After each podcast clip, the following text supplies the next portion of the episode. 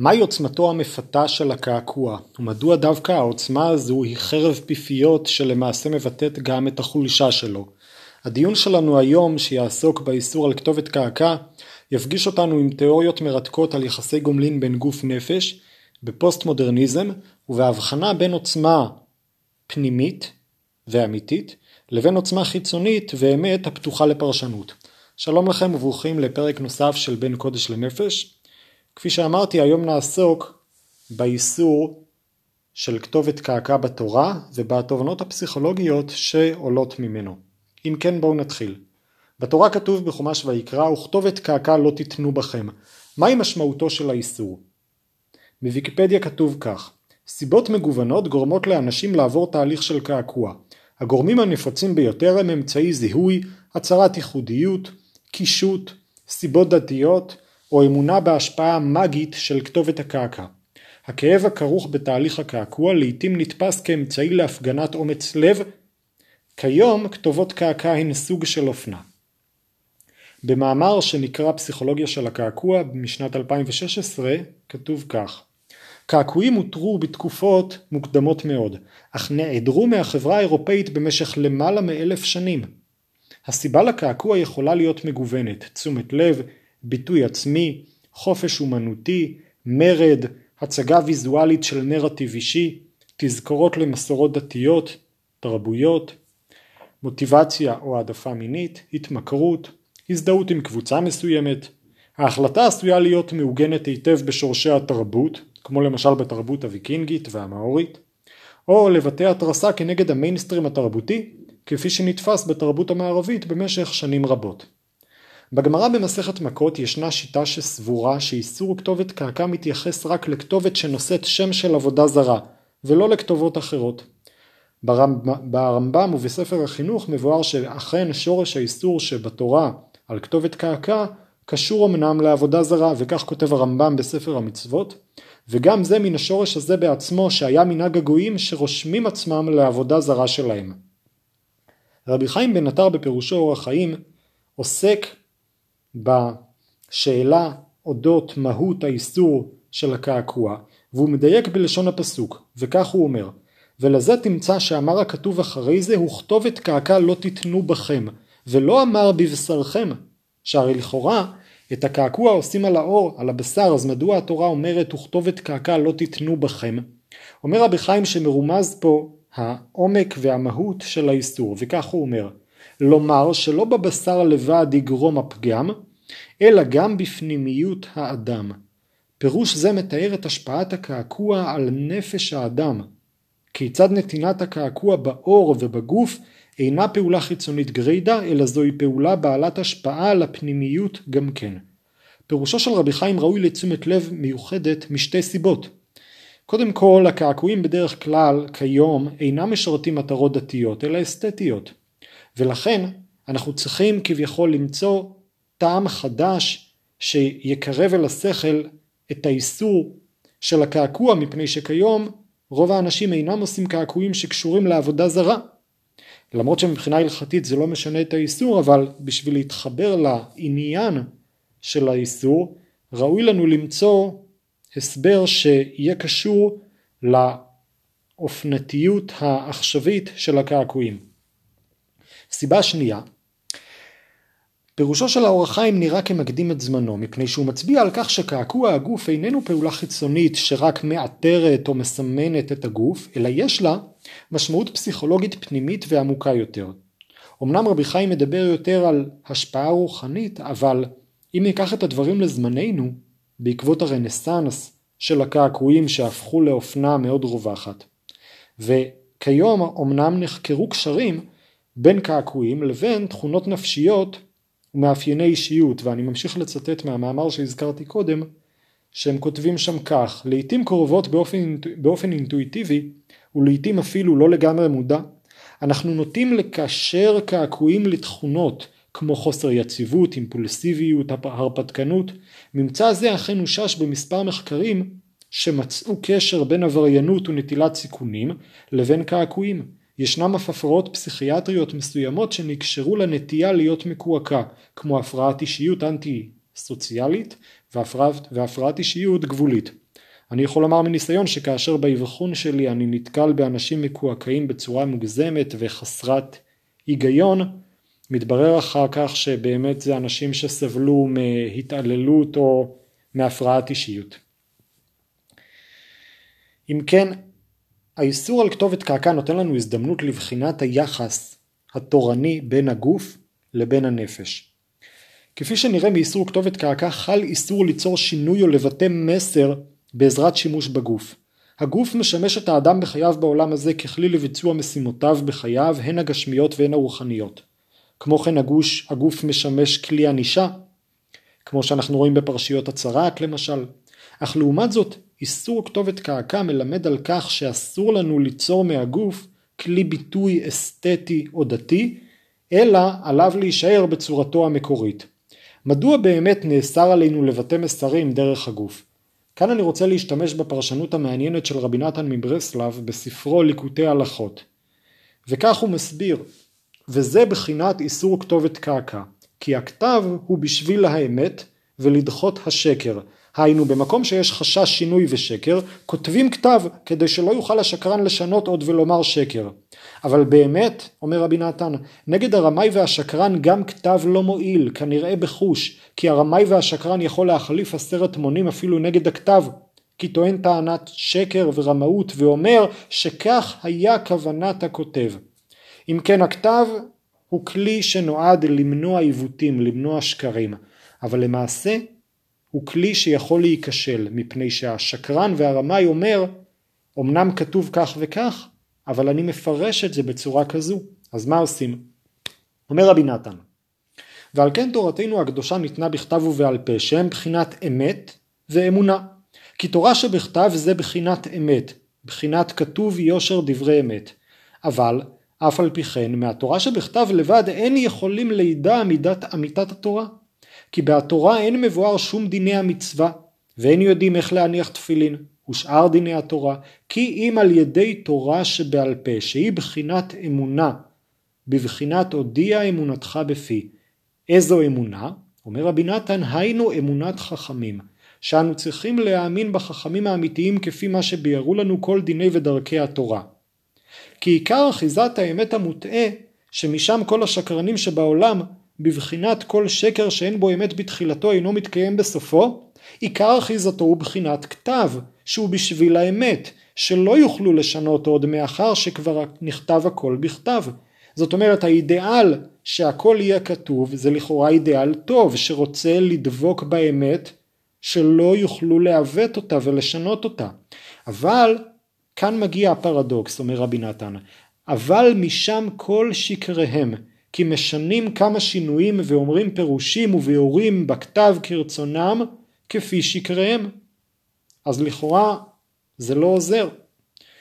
והוא ממשיך ומתאר ועל כן הגויים לומדים רק תורה שבכתב כי משם נשתלשל אחיזת שקריהם מאחר שמחלקים ומפרידים תורה שבכתב מתורה שבעל פה ואינם מאמינים בחכמי האמת שהם חכמי התלמוד שביארו לנו באר היטב כל התורה באמת, על כן הגויים מפרשים התורה כרצונם ומגלים פנים בתורה שלא כהלכה כידוע. אז מה עושים? והוא ממשיך ומתאר את זה גם בענייני משפט. ועל כן בכל עסקי משפטיהם ודיניהם הם מחמירים מאוד מאוד, שיהיה הכל בכתב דווקא, ואין מקבלים שום דיבור מגדול וקטן, לא מהטוען ולא מהשופט, כי אם בכתב דווקא והכל בשביל האמת, כדי, כדי שלא יוכלו לשנות עוד. אז לכאורה, שוב, יש כאן אידיאל טוב, שרוצה שהכל יהיה כתוב כדי לשמר את האמת המקורית. אבל זה לא עובד. למה זה לא עובד? מסביר רבי נתן, אבל זה האמת הוא הרבה מאוד יותר מדי, שמשם אחיזת השקר. וכאשר רואים בחוש שאחרי שמרבים בכתבים וכל הדיבורים נכתבים, אף על פי כן הם מלאים שקר ומחליפים עשרת מונים ומפרשים הכתב כרצונם. כידוע כל זה. כי עיקר האמת הוא אחד, לא הרבה. אז רבי נתן מתאר כיצד המאמץ לשמר את האמת בכתב נידון לכישלון. נראה לי שאפשר להסביר את דברי רבי נתן על פי הגישה הפוסט מודרנית. אני אצטט הגדרה קצרה לפוסט מודרניזם ממאמרה של גילי זיוון, הגות יהודית אורתודוקסית לנוכח עולם פוסט מודרני, וכך היא כותבת: חשיבה פוסט מודרנית מתאפיינת בכך שאינה מקבלת עוד את המוחלטות ואת האחדות של ההיסטוריה. הפלורליזם תופס מקום מרכזי ביותר בגישה הפוסט מודרנית. הפלורליזם מאפשר לראות את התפיסות השונות זו לצד זו, ולא כנאבקות זו בזו על ההגמוניה לפרש ולהנחות את המכלול. אין מקום לחיפוש אחר המהות, ניתן לדבר רק על פרשנות מקומית, על הנרטיב, ואם נדייק על הנרטיבים. קיימות עמדות רבות שלכל אחת הנרטיב שלה, ואף אחת אינה מתיימרת לדבר על האמת, אלא הן מייצגות ייצוגים שונים של המציאות. השקפת העולם הפוסט מודרנית מוותרת על התקווה לשקף בפילוסופיה שהיא מציגה משהו הקיים מחוץ לעולמם של המשקיפים עצמם. אם כן, זו הסיבה, וזה אולי עומק דברי רבי נתן שמסביר מדוע הכתיבה אינה עוזרת לשמר את האמת, מפני שמגיעה הפרשנות הסובייקטיבית של כל אחד, של כל פרשן, כל מי שרוצה ליצור נרטיב משל עצמו, והן כולן מתקיימות במקביל זו לצד זו, והאמת הולכת לאיבוד, האמת כביכול מתרבה, אבל זה למעשה גם איבוד של האמת. הגישה הפוסט מודרנית באמת יוצרת בעיה, כפי שזיוון עוסקת בשאלה הזו בעצמה במאמר שלה, ואני אצטט רק בקצרה את דבריה. האם המאמין יכול להכיל פרשנות פוסט מודרנית על הטקסטים המקודשים ועדיין להיות מחויב בצורה עמוקה לנאמר בהם? האם נשאר טקסט מחייב כלשהו? האם לא נשמטה הקרקע היציבה והמחייבת עליה עמד הפרשן עד עתה? האם נותרנו רק עם הפרשן ופרשנותו? זאת אומרת, איך מאחדים את שני ההפכים האלו? כמו שאומר רבי נתן, התורה שבכתב זה אמת, התורה שבעל פה זו האמונה. כאשר אתה דבק בתורה שבכתב אתה כביכול דבק באמת, אבל כיוון שאין לך את הכלי של האמונה, אתה בהכרח תיצור פרשנויות רבות ושונות וכך תאבד האמת. ולכן נדרשת דווקא האמונה שהיא מדריכה אותנו כיצד להגיע לפרשנות האחת והנכונה, כיצד להשתמש באמת שנמצאת בכתיבה, בתורה שבכתב. מה כל זה קשור לכתובת קעקע? אומר רבי נתן כך, וזה בחינת איסור כתובת קעקע, שהיו נוהגים האמוריים לכתוב ולקעקע בבשרם אותיות הכתב, מעניין דרכי אמונתם הכוזבת, והכל בשביל לחזק האמת המוטעה שלהם, להראות שהם דבקים באמונתם כל כך, עד שחוקקים ומקעקעים בבשרם בכתב מעניין אמונתם. זאת אומרת, זוהי העוצמה המפתה של הקעקוע, שאתה מוכן לקעקע על הגוף שלך בצורה קבועה ונצחית את האמונה שלך, את ההשתייכות שלך, את הערכים שאתה מאמין בהם, אז לכאורה זוהי פסגת האמת. אתה כותב על הגוף את מה שאתה מאמין בו בצורה קבועה ונצחית. אומר רבי נתן לא. ובאמת זה עיקר השקר והכזב שלהם, כי אחיזתם בכתב דייקה, שהוא בעשייה כידוע, ששם אחיזתם ביותר, ועל כן הם חוקקים הכתב בבשרם. אבל עיקר אחיזת השקר הוא בבשר הגוף, ולכן דווקא הרצון להגביר את האמת על ידי הכתיבה על הגוף, כיוון שזה נעשה בצורה הלא נכונה, הכתיבה נעשית על הגוף, אז ריבוי האמת הזה הוא דווקא מרבה את השקר. והוא ממשיך ומסביר, ועל כן אסרה לנו התורה כל זה, דהיינו איסור כתובת קעקע, כי אסור לנו להכניס אותיות הכתב לחוקקם ולקעקעם על בשר הגוף, כי משם עיקר אחיזת השקר שנאחז מריבוי האמת יותר מדי, שהוא בחינת הכתב, שרוצים לחקוק האמת בכתב ולחוקקו על בשר הגוף, כדי שיהיה האמת חקוק בו, והכל שקר וכזב, כי אדרבה, משם עיקר אחיזת השקר. אומר רבי נתן, כמו המאבק בין התורה שבכתב לתורה שבעל פה, שכאשר אתה רוצה לדבוק באמת בתורה שבכתב, אתה בהכרח כפי שהסברנו על פי הגישה הפוסט מודרנית, אתה בהכרח יוצר נרטיבים שונים שלמעשה מותירים אותך ללא אמת מוחלטת, כך גם הקעקוע הוא ריבוי האמת במקום הלא נכון. למה? אומר רבי נתן, הגוף, הגוף שהוא גשמי, שהוא מלא תשוקות ויצרים, הוא מרכז השקר. אתה לא יכול לכתוב עליו, לקעקע אותו, ולצפות שהוא יהיה המקור של האמת. מה כן אפשר לעשות? כי עיקר האמת, אומר רבי נתן, צריך שיהיה נכתב ונחקק בלב, באמת לאמיתו, בחינת כותבם על לוח ליבך. אבל לא לחוקקו על בשר הגוף בגשמיות, כי זה בחינת ריבוי האמת יותר מדי, שזה עיקר השקר. אם כן רבי נתן מבאר ששילוב של כתב, זאת אומרת קעקוע, והגוף, הוא שילוב בעייתי, מפני שכפי ששה, שהתורה שבכתב אינה יכולה להביא לאמת, ולשם כך נדרשת התורה שבעל פה שתבאר את כוונתה. כפי שהסברנו שלולי אמונת חכמים, לולי הבחינה של תורה שבעל פה, הטקסט יכול להתפרש במגוון דרכים וממילא האמת עובדת, כך גם כתב על הגוף, שאומנם רוצה לשלב את האמת שמתבטאת בכתב, בקעקוע, עם הגוף, יוצרת פרדוקס מפני שכתיבת האמת על הגוף שהוא מקור התאוות ומשכן השקר יוצרת בהכרח ריבוי של אמת שבסופו של דבר רק מגביר את השקר. הדרך הנכונה לדבריו היא להשכין את האמת בלב, זאת אומרת באמונה, כמו בחינת התורה שבעל פה. ואילו אם נחזק ונרבה את האמת על ידי כתיבה בגוף, אנחנו נגיע בסופו של דבר לשקר. אם כן אנחנו מתחילים לראות ולהבין כיצד חרב הפיפיות של הקעקוע, כיצד העוצמה המפתה של הקעקוע שהוא כביכול מוחצן ונצחי וקבוע, דווקא זה יוצר עיוותים שונים. הדרך הנכונה של הלימוד ושל החיפוש אחר האמת זו הבחינה של כותבם על לוח ליבך. זאת אומרת המחויבות לאמונה הפנימית שבלב שהיא זו שתבטיח שלא נעוות את הכתוב, שבאמת נדבוק באמת המוחלטת. אם כן ייתכן שלפי המהלך של רבי נתן שהסברנו כעת, נוכל לחזור לדברי רבי חיים בן עטר שאומר שכאשר אדם מקעקע את גופו, הקעקוע חודר גם לפנימיותו. מהי אותה חדירה לפנימיות? על ידי הקעקוע.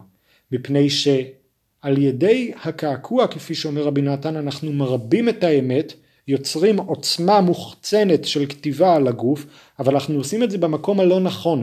הגוף הוא לא יכול להיות מקור האמת. הכתיבה לבד אינה מספקת אמת, אפשר לפרש אותה בדרכים מגוונות, ולכן על ידי ההתרכזות בגוף, על ידי כתיבת הקעקוע על הגוף, מתמעט כוח הנפש והלב, זאת אומרת הפנימיות של האדם, וזוהי הפגיעה של הקעקוע שאומנם מקועקע על האור ועל הגוף, אבל הוא למעשה משפיע על הפנימיות. אם כן רבי נתן בדבריו מבטא את עוצמתו המפתה של הקעקוע המוחצן והמתקיים. ואומר שזה הכוח של הגויים שמחשיבים את הכתב ורואים בו ביטוי לאמת המוחלטת, בעוד שלמעשה דווקא העצמת והחצנת המסר על ידי הכתב מחלישה את האמת, היות והיא מבטלת את הפנימיות שהוא ממשיל אותה לתורה שבעל פה, כותבם על לוח ליבך ונפש האדם. ניתן גם להמשיל את דברי רבי נתן לדברי רמח"ל במסילת ישרים על מידת הגאווה, וכך הוא כותב: כי תראה שאין הגאווה מצויה יותר אלא במי ששכל יותר, ורבותינו אמרו סימן לגסות הרוח, עניות של תורה.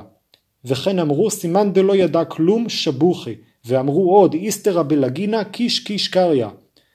עוד אמרו, שאלו לאילני סרק מפני מה קולכם נשמע, זאת אומרת מדוע הרוח נושבת בענפי אילני הסרק ומשמיעה קול יותר מאשר כאשר היא מנשבת בענפי אילני פרי, אמרו הלוואי יהיה קולנו נשמע ונזכר. וכבר ראינו, מסכם רמח"ל, שמשה שהוא מובחר שבכל האדם, היה עניו מכל האדם. הרמח"ל יוצר על פי דברי חז"ל מתאם חיובי בין סכלות לבין קולניות והחצנה ובין ענווה וחוכמה. וכך גם מבאר רבי נתן כי הכתב החקוק שכביכול מסוגל ונועד למנוע שינוי וזיוף אינו מכיל את האמת שמשכנה בלב שמפרש בסופו של דבר את הכתב כרצונו. ומשום כך כשם שהאמת מושגת רק על ידי התורה שבעל פה שמדריכה את הלב בפרשנות הנכונה של התורה שבכתב, הוא הדין לכתוב את קעקע, שאומנם יש בה עוצמה מפתה מאוד, היא מתיימרת לחקוק בצורה קבועה את כתב האמת על הגוף. אך למעשה, בכך היא מחטיאה את מטרתה, מפני שלא ניתן להגיע לאמת דרך הגוף. הפרדוקס שיש בין הכתב לבין הגוף גורם לכך שריבוי האמת מביא למעשה לעיקר וריבוי השקר. במאמר שנקרא קעקועים ייצוגי קעקוע באמנות העכשווית נכתב כך האור הוא האיבר הגדול ביותר בגוף והוא מחובר למערכת העצבים הוא מתפקד כשומר הסף של גבולות הגוף וההבחנה בין פנים לבין חוץ לאור יש תפקיד של קליטה והפנמה כמו גם שידור ופליטה תחושת הזהות הראשונית של האדם מתגבשת על ידי תודעת אני אור, מעטפת פסיכולוגית שדרכה אנו חווים את העולם. בהקשר הזה, יצירת קעקוע על האור היא חוויה חושית בעלת עוצמה, בבואי להפנות את תשומת הלב אל האור כנתון ראשיתי, אורגני ומדומה כאחד, מערך הגנה של הפרט, ובו בזמן כלי ומרחב חליפין ראשוני עם הזולת. הדברים הללו שופכים אור על מהות הקעקוע שמגלם את הצגת האמת בעזרת האור דווקא. מהו האור? האור הוא קו גבול בין הפנים לבין החוץ ומשום כך נוכל להבין את דברי רבי נתן שאומר ש... הבחירה להתקעקע, זאת אומרת הבחירה לכתוב את האמת בגוף דווקא על האור שהוא קו הגבול בין הפנים לבין החוץ, זוהי הסתירה הגדולה ביותר לדברי הפסוק כותבם על לוח ליבך. כותבם על לוח ליבך מלמד אותנו כיצד האמת של התורה קשורה לתורה שבעל פה, לאמונת חכמים, לאמת הפנימית שמשיג הלומד על ידי מחויבות לאמונת חכמים, בעוד שאם הוא יתרכז רק בכתב עצמו, הוא בהכרח ייצור פרשנויות שונות שיסיטו אותו מן האמת. נקודה נוספת שיש לשים אליה לב בפירושו של אורח חיים, שמתאר כיצד הקעקוע שנעשה על הגוף משפיע גם על הפנימיות, אנחנו יכולים ללמוד מדברי רבי חיים ויטל, תלמידו של הארי, בספרו שערי קדושה. רבי חיים מתאר שם את ההשפעה שיש למעשי האדם על אברי גופו. והוא אומר שכפי שלגוף יש תרי"ג איברים וגידים, כך גם לנפש הטהורה יש תרי"ג איברים וגידים. והוא מתאר כיצד כאשר יחסר לאדם קיום איזו מצווה, גם האיבר הפרטי המתייחס למצווה יחסר ממנו מזונו. וכאשר אדם עושה עבירה באיבר מסוים, אז כביכול מתייבש הצינור שמשפיע את החיות הפנימית והרוחנית לאותו איבר.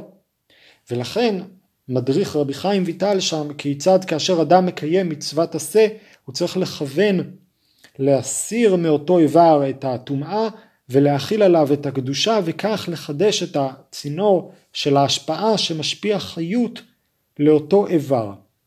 זאת אומרת רבי חיים מתאר מתאם בו הרוחניות משפיעה על הגשמיות כיצד מעשיו הטובים של האדם והימנעותו מעבירות וחטאים משפיעות על חיות ושלמות אברי גופו. לעומת זאת רבי חיים בן עטר, האור החיים שציטטנו לעיל, מצביע על מתאם הפוך ומחודש יותר לכאורה, בו קעקוע הגוף משפיע על פנימיות נפשו של האדם. וייתכן שניתן לתת מעט טעם בדברי רבי חיים על פי מה שהבאנו מדברי רבי נתן מברסלב שמסביר את הפן השלילי של הקעקוע שמציג את האמת החיצונית על הגוף ובכך למרות שלכאורה נראה לא כך למרות שנראה שהקעקוע כביכול מרבה את האמת יש לך את האומץ ואת הביטחון לקעקע משהו על הגוף בצורה קבועה ונצחית ומוחצנת אף על פי כן במעשה הזה אתה ממעיט ומבטל את כוחו של הלב, את כוחה של האמונה כמקור האמת.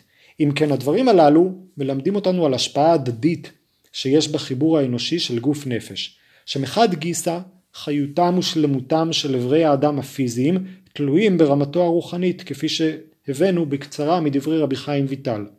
אבל מאידך גיסא, קעקוע הגוף, כדברי רבי חיים בן עטר, משפיע על פנימיות האדם.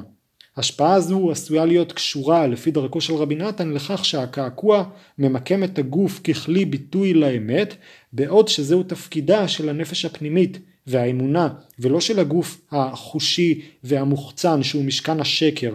החלפת התפקידים הזו היא בעייתית במיוחד מפני שהיא יוצרת אשליה, אשליה בה פתחתי, אשליה של פיתוי של הקעקוע שמייצג מוחצנות בטוחה בעצמה, שכביכול מחזקת ומרבה את האמת מתוך המוחלטות והנראות שלה, כדוגמת כוחו של הכתב, שרבי נתן מנגיד אותו לדברים שבעל פה. אבל למעשה אליבא דאמת, אותה כתיבה, אותה מוחצנות רק מחלישה את האמת מפני שהיא תולה אותה באלמנט חיצוני שאינו מבוסס על אמונה פנימית. אם כן, זהו הפרדוקס, זוהי חרב הפיפיות של העוצמה המפתה של הקעקוע שלמעשה בה מונח חולשתו של הקעקוע. דברי החזון איש על ההבדל בין הביטחון האמיתי לביטחון המזויף יכולים להוסיף הסבר לעניין הזה של הקעקוע. החזון איש באמונה וביטחון מתאר כדברי רמח"ל את ההבנה שהחצנה שנראית במבט ראשון ככלי ביטוי עוצמתי ומלא ביטחון, מעידה לפעמים על זיוף וחוסר אמת, בעוד שפנימיות וצניעות שעשויות להצטייר כחלשות ואינן בטוחות בעצמם, הן למעשה משכנה של האמת, וכך כותב החזון איש על מידת הביטחון. ואכן מידת הביטחון קניין הלב, ומטבע הבוטח באמת בהצנע לכת, ולא יישמע ממנו כי הוא מן הבוטחים. וגם בליבו הוא נאנח על חסרון ביטחונו ומיעוט שלמותו בזה. ורק למעשה, זאת אומרת רק בפועל בחיי היומיום שלו, תלווה עמו ביטחון ועוצמה בו יתברך. ומסכם החזון איש ואומר, ויתרון האור מן החושך, יתרון האמת מן השקר, ויתרון הביטחון האמיתי מהביטחון המזויף. המשל הזה ממידת הביטחון מבאר היטב מדוע התורה שוללת בחומרה גדולה את כתובת הקעקע ואוסרת על עשייתה מפני שכפי שראינו מהות הקעקוע שהוא ייצוג של אמת, כתב, כפי שמסביר רבי נתן, על ידי החצנה, זאת אומרת הקעקוע על האור, על הגוף, בעוד שלמעשה האמת צריכה להיות מיוצגת דווקא באופן פנימי ונפשי, היות ואמת ללא אמונה יכולה בקלות להשתבש כדברי רבי נתן שאותם הסברנו על פי הגישה הפוסט מודרניסטית. וזה מה שמסביר החזון איש, שכאשר אדם מחצין את הביטחון שלו, מכריז עליו ומדבר עליו, וכביכול אנחנו רואים לפנינו אדם עם כזו עוצמה שכל כך בטוח בהשגחה הפרטית שתשמור אותו במהלך חייו, אומר החזון איש לא, הסוד האמיתי של הביטחון כאשר הוא נמצא בלב, כאשר הוא מוצנע, כי אם יש לך את אותו כוח פנימי אתה לא זקוק להחצין אותו.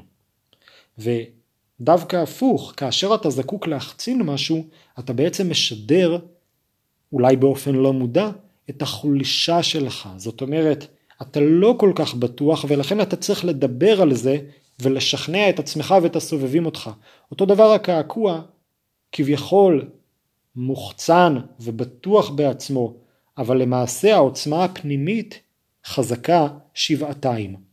למדנו אם כן שכתובת קעקע למרות שזה איסור מהתורה ללא קשר למטרת הקעקוע, יש בה מסר עמוק שעולה מפירושיהם של רבי חיים בן עטר ורבי נתן מברסלב שמלמד אותנו שהחיפוש אחר האמת אינו יכול להיות חיצוני אלא פנימי ולכן גם הביטוי של האמת צריך להיות פנימי בעוד שביטוי חיצוני של האמת שכביכול מרבה ומחזק אותה ומפרסם אותה בריש גלי מחליש אותה בכך שהוא מתעלם ומבטל את הבסיס הפנימי שלה.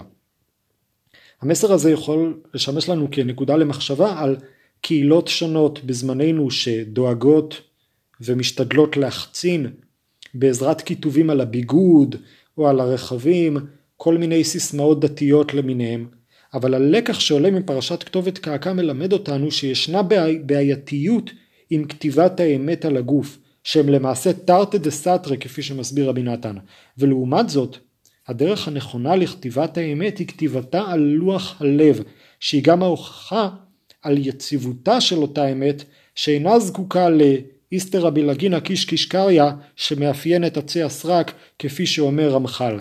אם כן סקרנו את הנקודה הזו מכמה רבדים הן מבחינת הגישה הפוסט מודרניסטית הן מבחינת דבריו של רבי נתן על תורה שבכתב ותורה שבעל פה והן מהמשל של הרמח"ל והחזון איש על מידת הביטחון ומידת הגאווה וראינו כיצד אותה עוצמה מפתה של מוחצנות לפעמים מסיטה אותנו מהאמת הפנימית ודווקא כאשר אנחנו משתמשים בכלים יותר צנועים, יותר פנימיים, פחות מוחצנים, אז למעשה אנחנו יכולים להגיע לאותה נקודת אמת שתלווה אותנו בחיינו באופן קבוע ויציב.